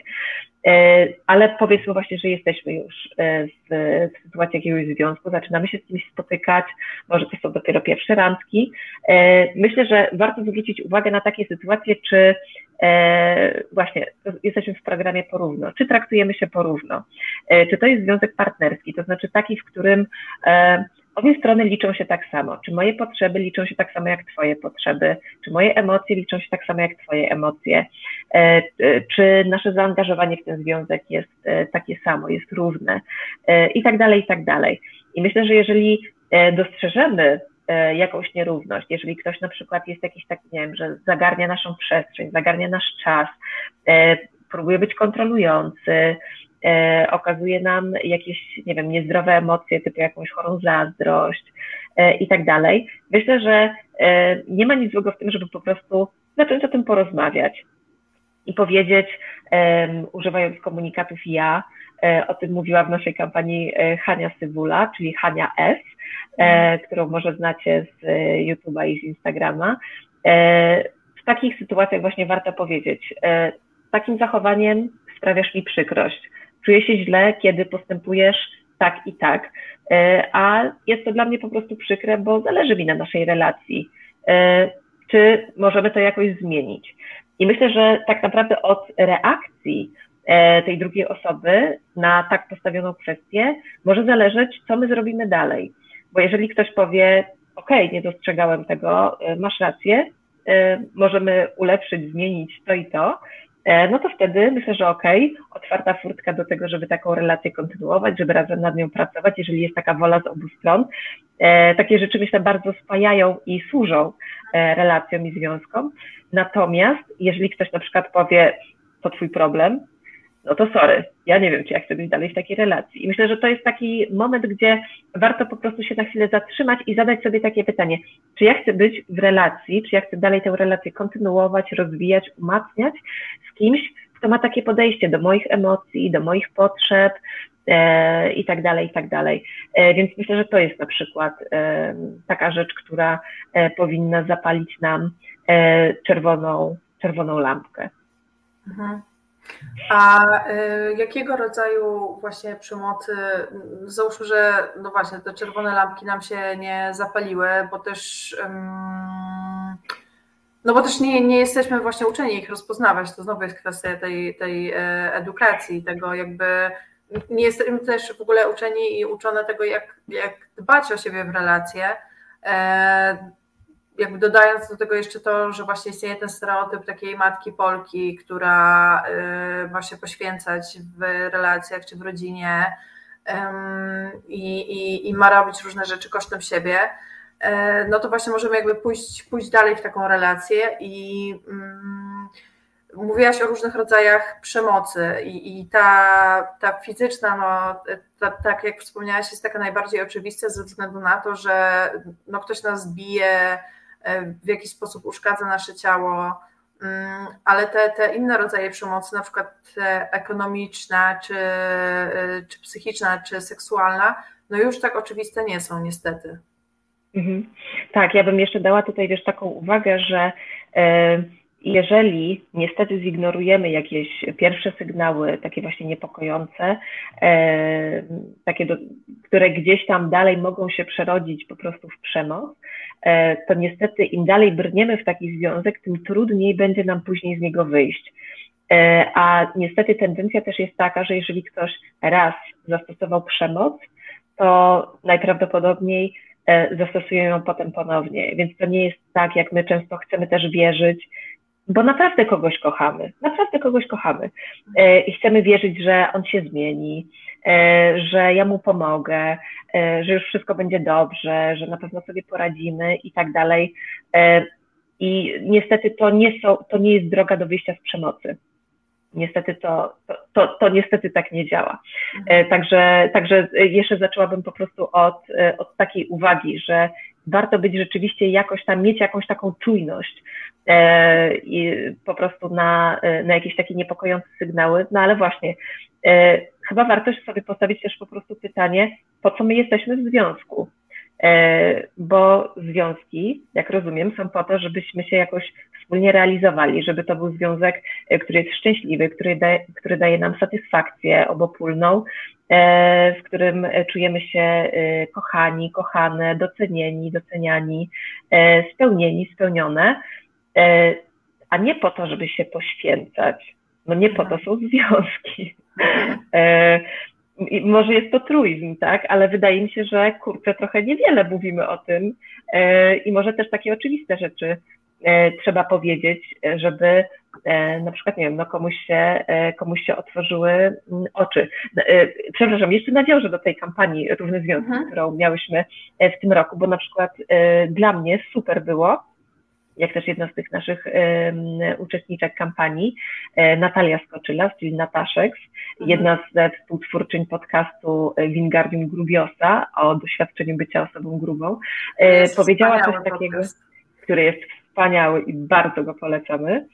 E, powiedziała coś takiego, e, miała odcinek o e, początkach związku. I jakby taka rzecz, że e, okej, okay, no ktoś nam się podoba, chcemy do niego zagadać, chcemy go sobą zainteresować, ale ta osoba mówi nam nie. Nie jest zainteresowana. I co się dzieje wtedy w nas? E, myślę, że jedną z takich częstych reakcji jest to, że bierzemy to bardzo do siebie i zaczynamy myśleć, że nie wiem, że coś jest na przykład z nami nie tak, nie jesteśmy wystarczająco atrakcyjni, atrakcyjni, zostaliśmy odrzuceni. Tymczasem to nie jest aż taka tragedia. Po prostu ta osoba w tym momencie nie jest zainteresowana relacją z nami. Koniec. E, I jakby myślę, że e, mało mówimy o tak prostych, oczywistych kwestiach i myślę, że warto po prostu też o nich mówić, żeby spojrzeć na pewną prostą, powszechną sytuację, z którą pewnie 99% z nas się spotkało, może właśnie z trochę innej perspektywy. Także, także tak, no ale to była taka dygresja, prawda? A ty zaczęłaś od pytania właśnie o Mhm. o przemoc w związku. No i faktycznie e, niestety może być tak, że jeżeli zignorujemy jakieś pierwsze sygnały i na nie nie zareagujemy, e, to, e, to może to jakby no rzeczywiście może, możemy stać się ofiarami przemocy. Ja też nie chcę powiedzieć przez to, że to my wtedy jesteśmy winne, bo to nie jest mhm. tak, że wina leży po naszej stronie, że nie zareagowałyśmy. Wina zawsze leży po stronie sprawcy, e, który, tak, który stosuje przemoc wobec drugiej osoby. Natomiast mówię o tym w takim sensie, że e, my mamy też jakby pewne możliwości, żeby siebie chronić przed tym. I po prostu warto z tych z tych, e, z tych narzędzi, z tych możliwości e, korzystać. Natomiast absolutnie nie mówię w tym momencie, że e, to my jesteśmy winne tego, co nas spotkało, jeżeli doświadczyliśmy przemocy, bo tak nigdy nie jest. Zawsze winny jest tylko i wyłącznie, tylko i wyłącznie sprawca. No i rzeczywiście najłatwiej jest, tak jak powiedziałaś, rozpoznać taką przemoc, która no po prostu zostawia fizyczne ślady, tak, uszkodzenia ciała, czyli no właśnie pobicie, szarpanie, popchnięcie, e, uderzenie, e, no już może też nie będę wymyślać, no myślę, że wszyscy mhm. wiemy, e, co to jest przemoc fizyczna, zresztą przemoc fizyczna i przemoc psychiczna są w Polsce e, najlepiej rozpoznawanymi rodzajami przemocy, to znaczy przejawy, tak, konkretne zachowania potrafimy zinterpretować jako przemocowe właśnie w tych dwóch obszarach. Natomiast zdecydowanie gorzej jest, jeśli chodzi o świadomość dotyczącą przemocy seksualnej i przemocy ekonomicznej. E, no i właśnie to, że przemoc ekonomiczna często jest tym czynnikiem, który jeszcze bardziej uwiązuje tę ofiarę E, w związku ze sprawcą, o czym też już trochę dzisiaj mówiłyśmy.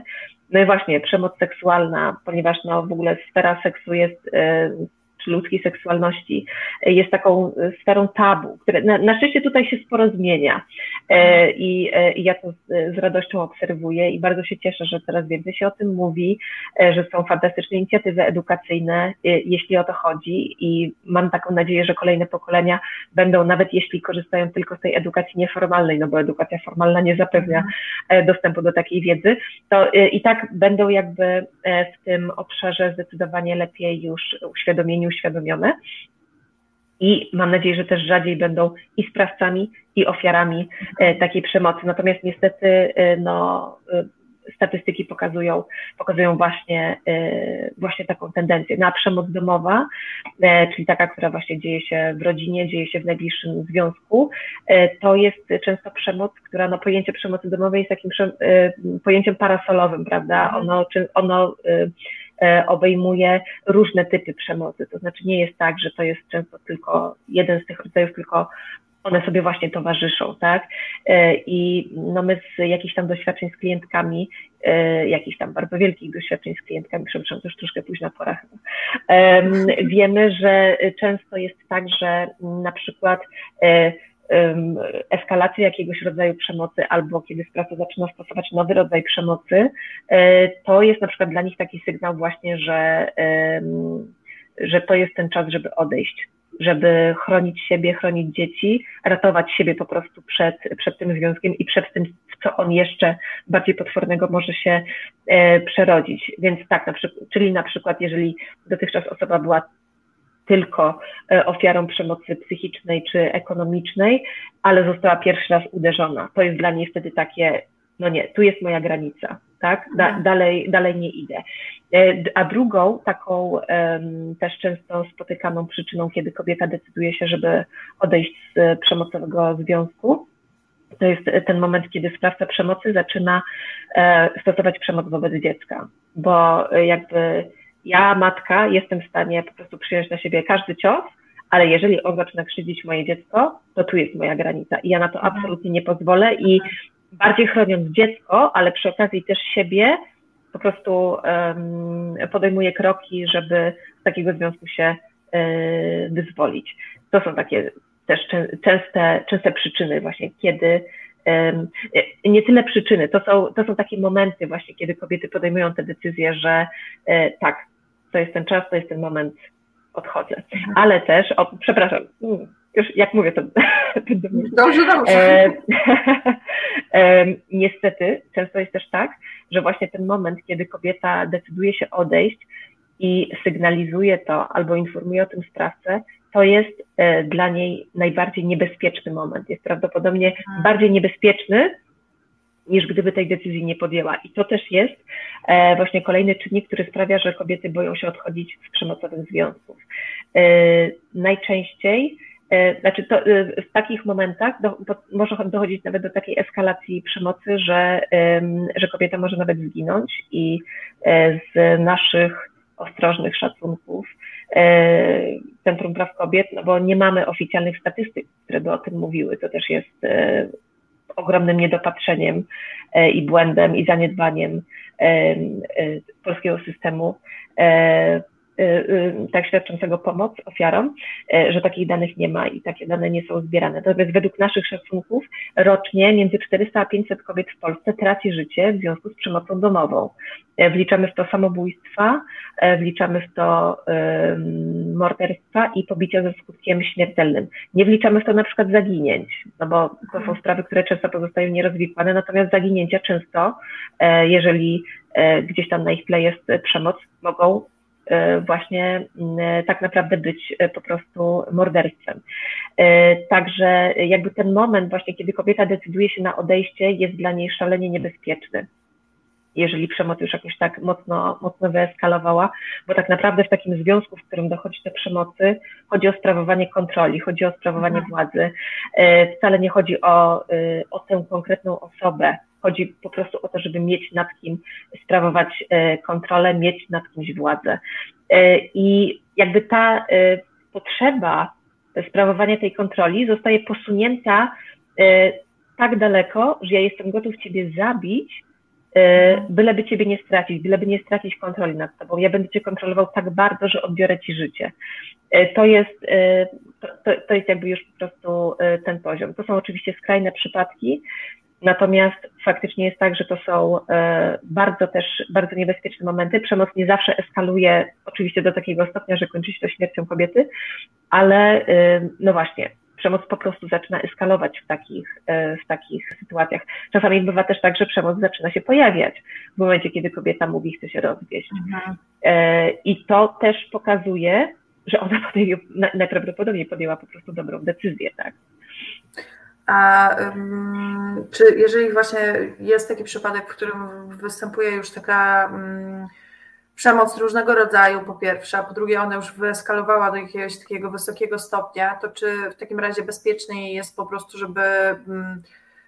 Znaczy to też będzie pewnie zależne od każdej jakby indywidualnej sytuacji e, danej, danej osoby, ale czy żeby ona po prostu na przykład, nie wiem, po cichu się wyprowadziła, jeżeli ma gdzie, i skontaktowała się na przykład z Centrum Praw Kobiet czy, czy z Feminoteką mm, po jakąś pomoc, bo się zastanawiam, jeżeli sytuacja jest tak napięta, to, to w jaki sposób to rozwiązać, żeby pozostać bezpiecznym w tym takim, w tym ważnym momencie.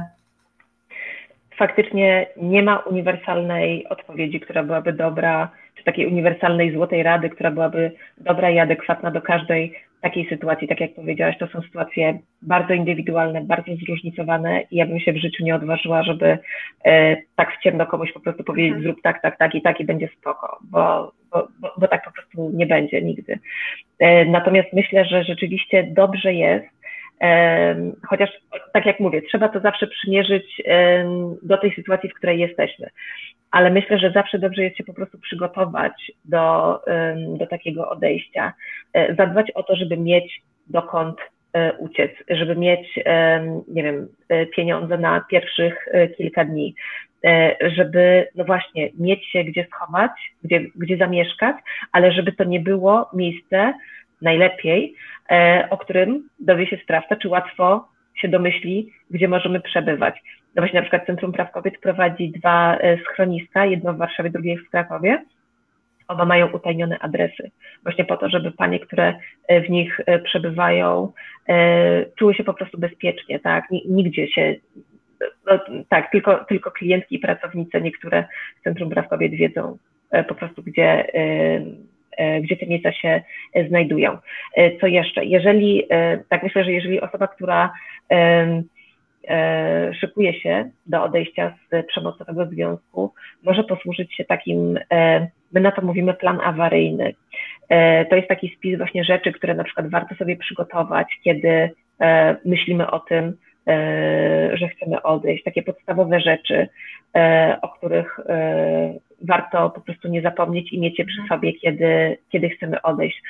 Warto zadbać, tak jak powiedziałam, właśnie o to, żeby mieć dokąd pójść, a nie, że wychodzę za próg dymu i dopiero zaczynam się nad tym, mhm. e, nad tym zastanawiać. Chociaż oczywiście mogą być takie sytuacje, że po prostu ucieczka z domu na zewnątrz może uratować mi życie, więc ja nie chcę powiedzieć, że to jest złe, mhm. tylko jeżeli mamy taką możliwość, żeby to sobie zaplanować, to jest dobrze to zrobić, po prostu, bo to będzie dla nas bezpiecznie, bezpieczniejsze i po prostu efektywniejsze.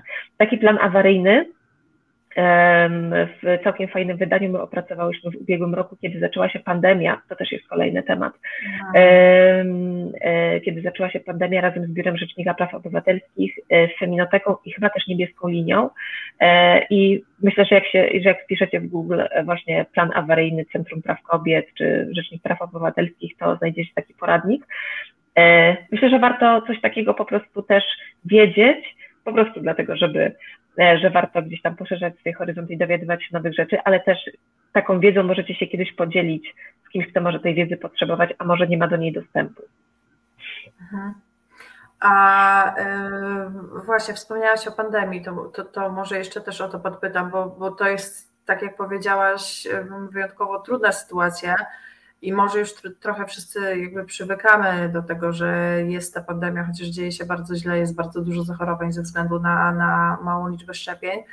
Mm, no ale szczególnie jak były te izolacje i te kwarantanny narodowe, to, to też sobie właśnie wtedy o tym myślałam, że jednak kobiety pozostawały często wtedy zamknięte ze, ze sprawcami, z oprawcami i nie miały jakby możliwości w ogóle gdzieś się e, przenieść i mm, z tego co kojarzę, statystyki też pokazywały, nie wiem, czy w Polsce, na pewno chyba tak było w Japonii, że ta liczba aktów przemocy domowej znacząco wzrosła. Mhm. Tak, tak, to jest międzynarodowy scenariusz, który się powtórzył także w Polsce e, i pierwsze takie doniesienia były z Chin, no bo tam zaczęła się pandemia i tam faktycznie e, organizacje, które tam działają, odnotowywały nawet 50% wzrost e, aktów przemocy, ale takie same sygnały napływały z kolejnych państw, w których rozwijała się pandemia i, to, i mówię i tutaj i o Europie, i o Stanach Zjednoczonych, o różnych, o różnych krajach, bez względu na to, jak działają tam systemy pomocowe.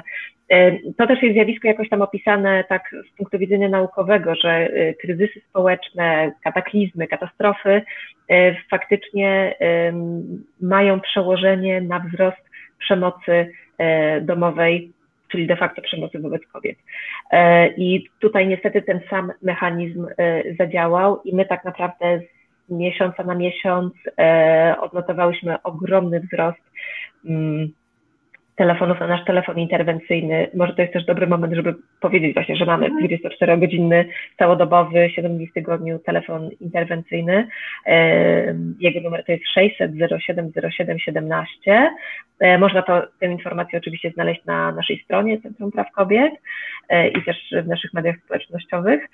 E, I po prostu zaczęły się, e, zaczęło, zaczęła się lawina tych telefonów, ale pojawiły się też wśród nich na przykład takie niepokojące sygnały, że e, policja e, odmawia przyjazdów na interwencję w związku z tym, że zostały im przydzielone funkcjonariuszom dodatkowe obowiązki w postaci na przykład właśnie pilnowania osób przebywających na kwarantannie. E, I dzwoniły do nas panie też na przykład z takimi problemami, gdzie my próbowałyśmy po prostu podejmować też interwencję, żeby ta policja jednak przyjechała. Pamiętam, że dzwoniła też do nas na przykład pani, która e, powiedziała, że e, policja no wreszcie przyjechała, ale kiedy dowiedziała się, że to była, dochodziło do przemocy psychicznej, a nie fizycznej, to panią po prostu obśmiała, zapytali się, no to nie może sobie pani sama poradzić i odjechali. E, klientki też skarżyły się na to, że policjanci e, odbierający te telefony często po prostu udzielają im świetnych porad, przepraszam za ironię, pod tytułem, no to może niech pani nie wychodzi z pokoju, może niech pani zaczeka, aż on się uspokoi, e, może mu przejdzie, może niego pani nie prowokuje, nie drażni i tak dalej, i tak dalej. Więc jakby w ogóle e, to nie jest prawidłowa reakcja. To nie jest prawidłowa reakcja. Jeżeli ktoś potrzebuje pomocy i odważa się, żeby o tę pomoc poprosić, to absolutnie nie można tego zignorować, tylko trzeba podjąć taką interwencję, a policja, no jakby od tego między innymi jest, żeby takich sytuacjach po prostu interweniować, tym bardziej, że no właśnie dostała te nowe uprawnienia, o których, e, o których też już mówiłyśmy bardziej e, bliżej początku e, naszej rozmowy. Więc niestety rzeczywiście my bardzo, bardzo odczułyśmy i zauważyłyśmy zwiększenie tej, tej, tej skali przemocy. Jeżeli chodzi o udzielanie porad, no bo rzeczywiście nasza nasza e, pomoc, którą świadczymy, polega przede wszystkim w ogromnej mierze na poradnictwie e, psychologicznym, prawnym, no ale też właśnie na udzielaniu bezpiecznego schronienia. E, I zauważyłyśmy, na początku był rzeczywiście taki odpływ. E, panie po prostu, które były naszymi stałymi klientkami, e, po prostu dawały znać, że słuchajcie, teraz nie będę mogła do Was przychodzić, no bo on mnie pilnuje, bo muszę siedzieć w domu, bo nie wymyślę sobie, że wychodzę do fryzjera czy do kawiarni z koleżanką, czy gdzieś tam indziej, do lekarza. A tak naprawdę przychodziłam do Was, bo i tak jest przypadki się zdarzają, e, tylko y, po prostu no, y, urywał się na jakiś czas kontakt y, z, z taką osobą. E, mimo to, na przykład w Warszawie E, odnotowałyśmy jednak e, wzrost, jeżeli chodzi o e, liczbę przyjętych klientek i przyjęłyśmy o, o 500 osób więcej niż, niż w poprzednim roku. To znaczy w 2019 w Warszawie to było około 1000, ponad 1300 klientek, a już w 2020 to było ponad 1800 pań. Na nasz telefon interwencyjny w pewnym momencie dzwoniło dwa razy więcej osób niż, niż, niż rok wcześniej, niż przed wybuchem pandemii. Także to są naprawdę bardzo E, bardzo duże różnice, e, jeżeli chodzi o tę skalę. I myślę, co tym bardziej niepokojące, to fakt, że e, już statystyki policyjne nie odnotowują takiego wzrostu. Co więcej, w ubiegłym roku, bo nie ma jeszcze statystyk za ten rok, czyli 2021, ale w 2020 roku policja założyła zdecydowanie mniej niebieskich kart niż e, w roku 2019. E, także e, dlaczego tak było? No myślę, że trochę mamy odpowiedź, bo wiemy o tym po prostu od naszych klientek. Swoją drogą też oczywiście procedura niebieskiej karty to nie jest delikatnie mówiąc, idealna procedura, bo jest tak naprawdę procedurą w dużej mierze biurokratyczną bardziej niż taką, która przynosi jakieś, jakieś realne efekty, no ale jest to zawsze jakiś wskaźnik, który, który mamy, prawda? No i widzimy tutaj, że, e, że tych kart było założonych e, po prostu mniej. E, I to też tak naprawdę to nie powinno cieszyć, bo to nie oznacza, że było mniejsze zapotrzebowanie na pomoc, czy że zmniejszyła się skala przemocy, tylko wręcz przeciwnie. To znaczy, że policja gdzieś nie dotarła, gdzie była najprawdopodobniej potrzebna. No Właśnie tak, to, myślę... o przepraszam, przypomniała mi się jeszcze jedna rzecz, e, e, tak trochę e, jeszcze, że tak powiem, kontynuując ten wątek, to też jest taki argument stosowany czasami przez prawicowych działaczy czy polityków, że w ogóle się nie, nie zmniejszyła skala przemocy, od kiedy mamy tą konwencję stambulską, więc trzeba ją wypowiedzieć, a w ogóle w państwach, które przyjęły tę konwencję, to jest jakiś strasznie wysoki poziom przemocy, a w Polsce to jest taki świetny, bo jest niski.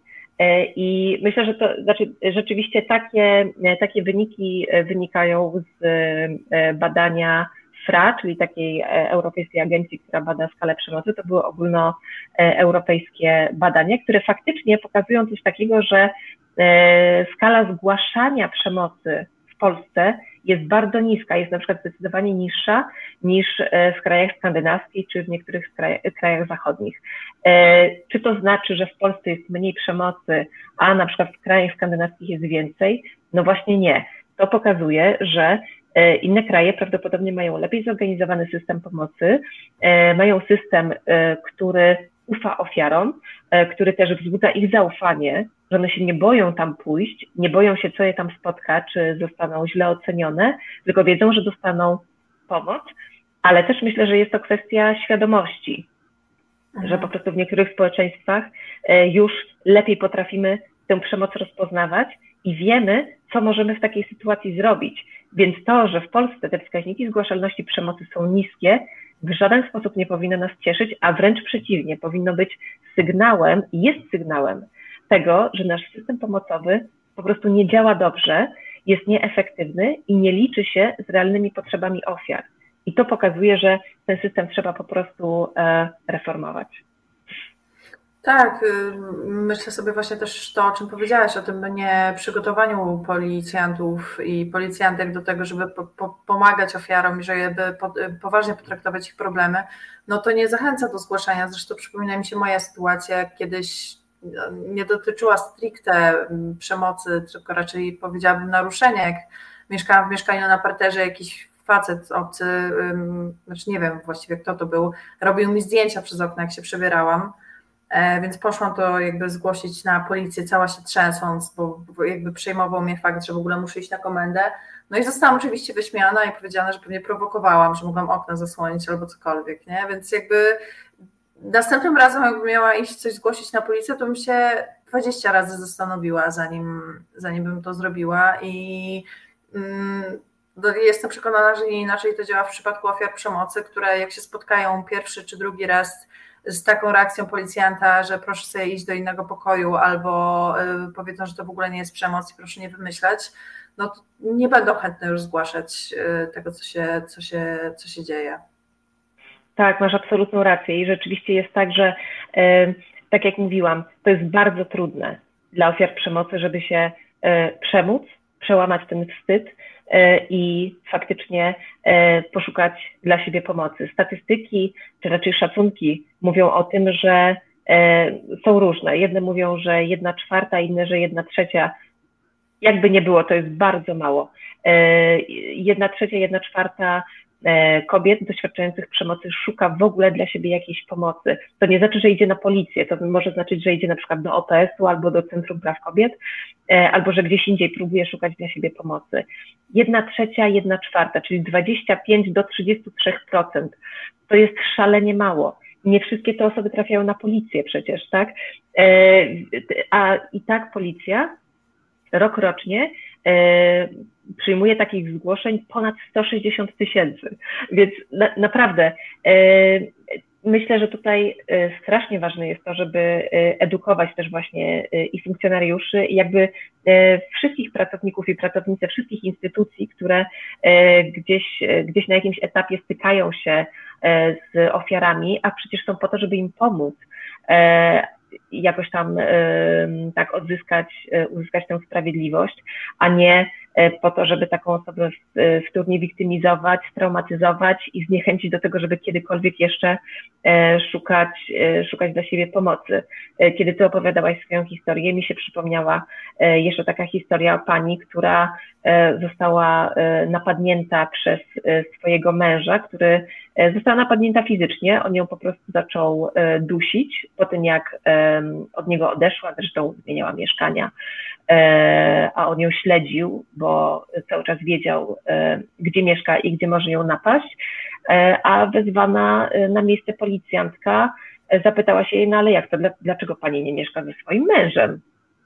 No bo oni nie byli rozwiedzeni jeszcze. On mówi, halo, przecież ja zgłaszam napaść.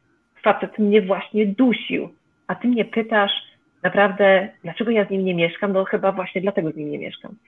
E, przepraszam, mnie strasznie po prostu emocjonują takie mhm. historie, w sensie wzbudzają pewnie ogromne emocje, bo w głowie mi się nie mieści, że można tak bardzo nie mieć e, w sobie empatii, żeby w takiej sytuacji postawić tak sformułowane pytanie. To jest po prostu, to jest po prostu nieludzkie. E, I naprawdę, e, jakby jeżeli mówimy o o tym, że system powinien się w jakikolwiek sposób zmienić, no to myślę, że bardzo ważną częścią właśnie tego, i o tym też mówi konwencja stambulska, że szalenie ważne jest e, podnoszenie kwalifikacji i szkolenie wszystkich służb, wszystkich organów, wszystkich pracowników, pracownic, e, tych instytucji, które świadczą pomoc ofiarom przemocy, właśnie po to, aby nie dochodziło do takich sytuacji, do takiej sytuacji, jaka spotkała Ciebie, do takiej sytuacji, jaka spotkała tę panią, o której przed chwilą powiedziałam. Miejmy nadzieję, że się nie uda tej konwencji stambulskiej wypowiedzieć e, jednak, e, że to, że to nie dojdzie do skutku, bo ona jest bardzo potrzebna i tak jak mówiłaś, bardzo dużo zmian jest też w Polsce potrzebnych. E, żeby. Nie mam, żeby słuchaj, nie, mam, nie mam dobrej informacji, przepraszam, że ci wchodzę w zdanie, ale dosłownie wczoraj albo dzisiaj został opublikowany międzynarodowy raport Advocates for Human Rights E, takiej amerykańskiej organizacji, e, która no właśnie e, przeprowadziła badania na temat tego, jak w Europie działają ruchy fundamentalistyczne i jak działają na rzecz wypowiedzenia konwencji stambulskiej. Mm, I Polska w tym momencie jest w czołowej piątce krajów najbardziej zagrożonych tym, że pójdą drogą Turcji, która już wypowiedziała konwencję o ironię stambulską, mhm. czyli podpisaną w tymże mieście. E, i że no, jesteśmy po prostu na najlepszej drodze do tego, aby, aby tę e, konwencję wypowiedzieć. Także jakby my oczywiście podejmujemy działania, nagłaśniamy tę sprawę, monitorujemy to, staramy się oddziaływać na E, świadomość społeczną, przede wszystkim właśnie edukując, tak, mówiąc po co nam ta konwencja w ogóle jest, bo to jest też sprawa taka, ja to naprawdę rozumiem, że to jest sprawa taka trochę abstrakcyjna. No, jakie ta konwencja ma przełożenie na moje codzienne życie? No właśnie może mieć, tylko to trzeba wytłumaczyć, tak myślę, tak właśnie powiedzieć, co ta konwencja nam daje, po co ona nam jest, jakie zmiany proponuje, co, nam, co to faktycznie może zmienić w funkcjonowaniu tych instytucji, które mają na co dzień pomagać osobom, które doświadczają przemocy. Więc myślę, że jakby e, musimy też, e, musimy więcej o tym mówić, e, musimy więcej o tym, o tym pisać, po co nam to tak naprawdę jest.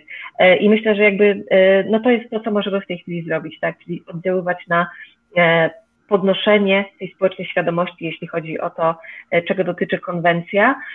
I no właśnie, my o tym teraz mówimy w czasie tych 16 dni przeciwko przemocy. Codziennie e, publikujemy w naszych mediach społecznościowych kolejny post dotyczący tego e, właśnie, jakie zmiany proponuje konwencja. No i właśnie, co się może wydarzyć, jeżeli my tę konwencję wypowiemy? No po prostu te zmiany nigdy nie zostaną wprowadzone, a co więcej, ten system, który już teraz mamy, który nie działa najlepiej, który nie jest tak efektywny, jak mógłby być, nie jest tak skuteczny, jak mógłby być, ale jednak jest, jednak działa, on straci ten parasol ochronny, bo konwencja to jest nałożenie na państwo obowiązku, aby taki system w ogóle funkcjonował. E, jeżeli takiej gwarancji nie będzie, to tak naprawdę może się wydarzyć wszystko, abstrahując od tego, że wypowiedzenie międzynarodowej konwencji, która e, dotyczy praw człowieka, no byłoby szalenie też niebezpiecznym precedensem, no bo zaraz może się okazać, że nie potrzebujemy konwencji praw dziecka, innych konwencji dotyczących praw człowieka, więc to jest naprawdę wkroczenie na bardzo, e, bardzo niebezpieczną ścieżkę, więc e, no rzeczywiście e, myślę, że warto warto się tym interesować i warto mm, jakby też no właśnie poszerzać swoją wiedzę, pogłębiać świadomość społeczną na temat tego, czym ta konwencja jest, czemu służy i co proponuje. I dlatego ja też właśnie zachęcam serdecznie, żeby wejść w media społecznościowe Centrum Praw Kobiet albo na stronę Centrum Praw Kobiet, też zapoznać się z najnowszą e, kampanią Przemoc to e, nie tradycja, udostępniać te posty, bo no, ten wpływ, jaki mamy, my go często nie doceniamy, ale udostępniając różne rzeczy w mediach społecznościowych, naprawdę możemy e, komuś dać jakąś wiedzę, otworzyć trochę głowę, więc więc warto wchodzić i te posty Centrum Praw Kobiet udostępniać i, i, i się tą wiedzą dzielić po prostu z, e, z ludźmi. Bardzo Ci dziękuję za dzisiejszą e, rozmowę. Cieszę się, że mogłyśmy porozmawiać, chociaż temat no, wesoły nie jest zdecydowanie, ale, ale myślę, że warto i, i, i trzeba jak najczęściej, jak najczęściej o tym rozmawiać. Tak, myślę, że takie rzucanie światła na temat przemocy na pewno rzutuje na e, zmniejszanie się e, jej skali. Mam nadzieję, że rzutuje też, przekłada się na mniejszy strach osób, które przemocy e, doświadczają, za to może na trochę większy strach osób, które stosują przemoc, aby czuły się też mniej bezkarne, bo są osoby, które stawią się za tymi osobami, które są, które są krzywdzone. I tak naprawdę chciałabym bardzo, żeby jak najwięcej osób wiedziało o tym, że może korzystać pomocy e, i nie musi tkwić e, w związku, w którym czuje się źle, w którym e, ktoś się krzywdzi, ktoś stosuje wobec nich przemoc. Nie, nie musicie być w takich związkach. Naprawdę nie musicie. Super. Dziękuję Ci bardzo i mam nadzieję, że z tą myślą też Państwo yy, słuchający yy, zostaną i co? I życzę Ci dobrej nocy i też słuchaczom i słuchaczkom życzę dobrej nocy. Ja również. Dobranoc. Dziękuję bardzo.